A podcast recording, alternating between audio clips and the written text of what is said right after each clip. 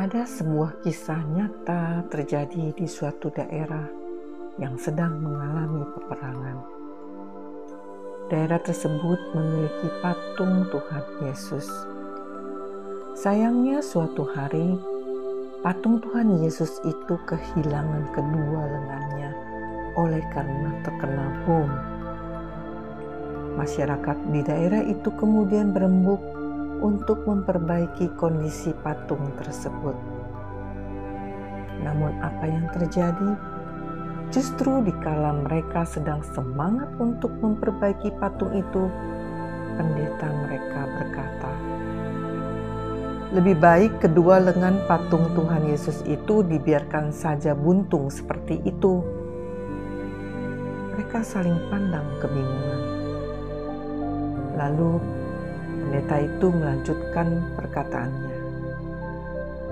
Hal itu akan mengingatkan kita semua bahwa Tuhan Yesus juga menugaskan kita sebagai kepanjangan tangannya untuk menolong dan memberkati orang lain. Mazmur 25 ayat 40 mencatat, Dan Raja itu akan menjawab mereka, Aku berkata kepadamu, Sesungguhnya segala sesuatu yang kamu lakukan untuk salah seorang dari saudaraku yang paling hina ini, kamu telah melakukannya untuk aku. Saudara, kita semua adalah kepanjangan tangan Tuhan untuk memberkati kehidupan orang lain seperti yang dikatakan dalam ayat di atas, menaruh belas kasihan kepada orang yang lemah. Amsal 19 ayat 17 mengatakan, Siapa menaruh belas kasihan kepada orang yang lemah, memiutangi Tuhan yang akan membalas perbuatannya itu.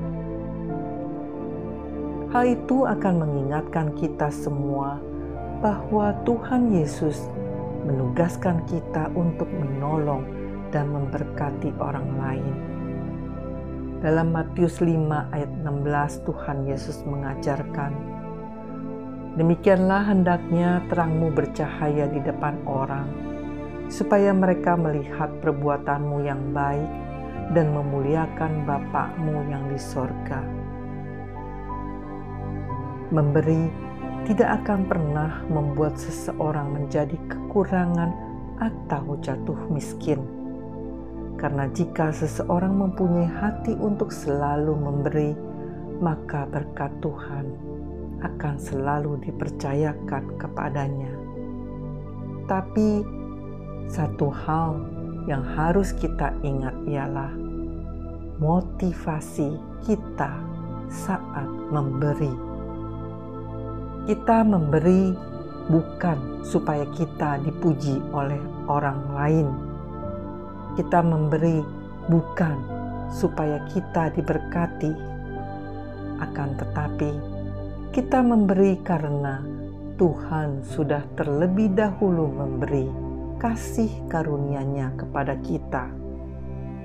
Kita memberi karena hati yang tergerak oleh belas kasihan saat kita mempunyai motivasi yang benar dalam memberi, Tuhan tahu dan Tuhan akan selalu mencurahkan berkatnya bagi orang-orang yang mempunyai hati untuk selalu memberi.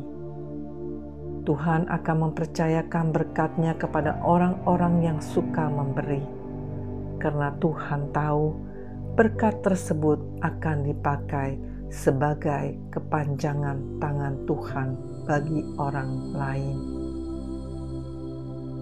Selamat menjadi kepanjangan tangan Tuhan. Amin.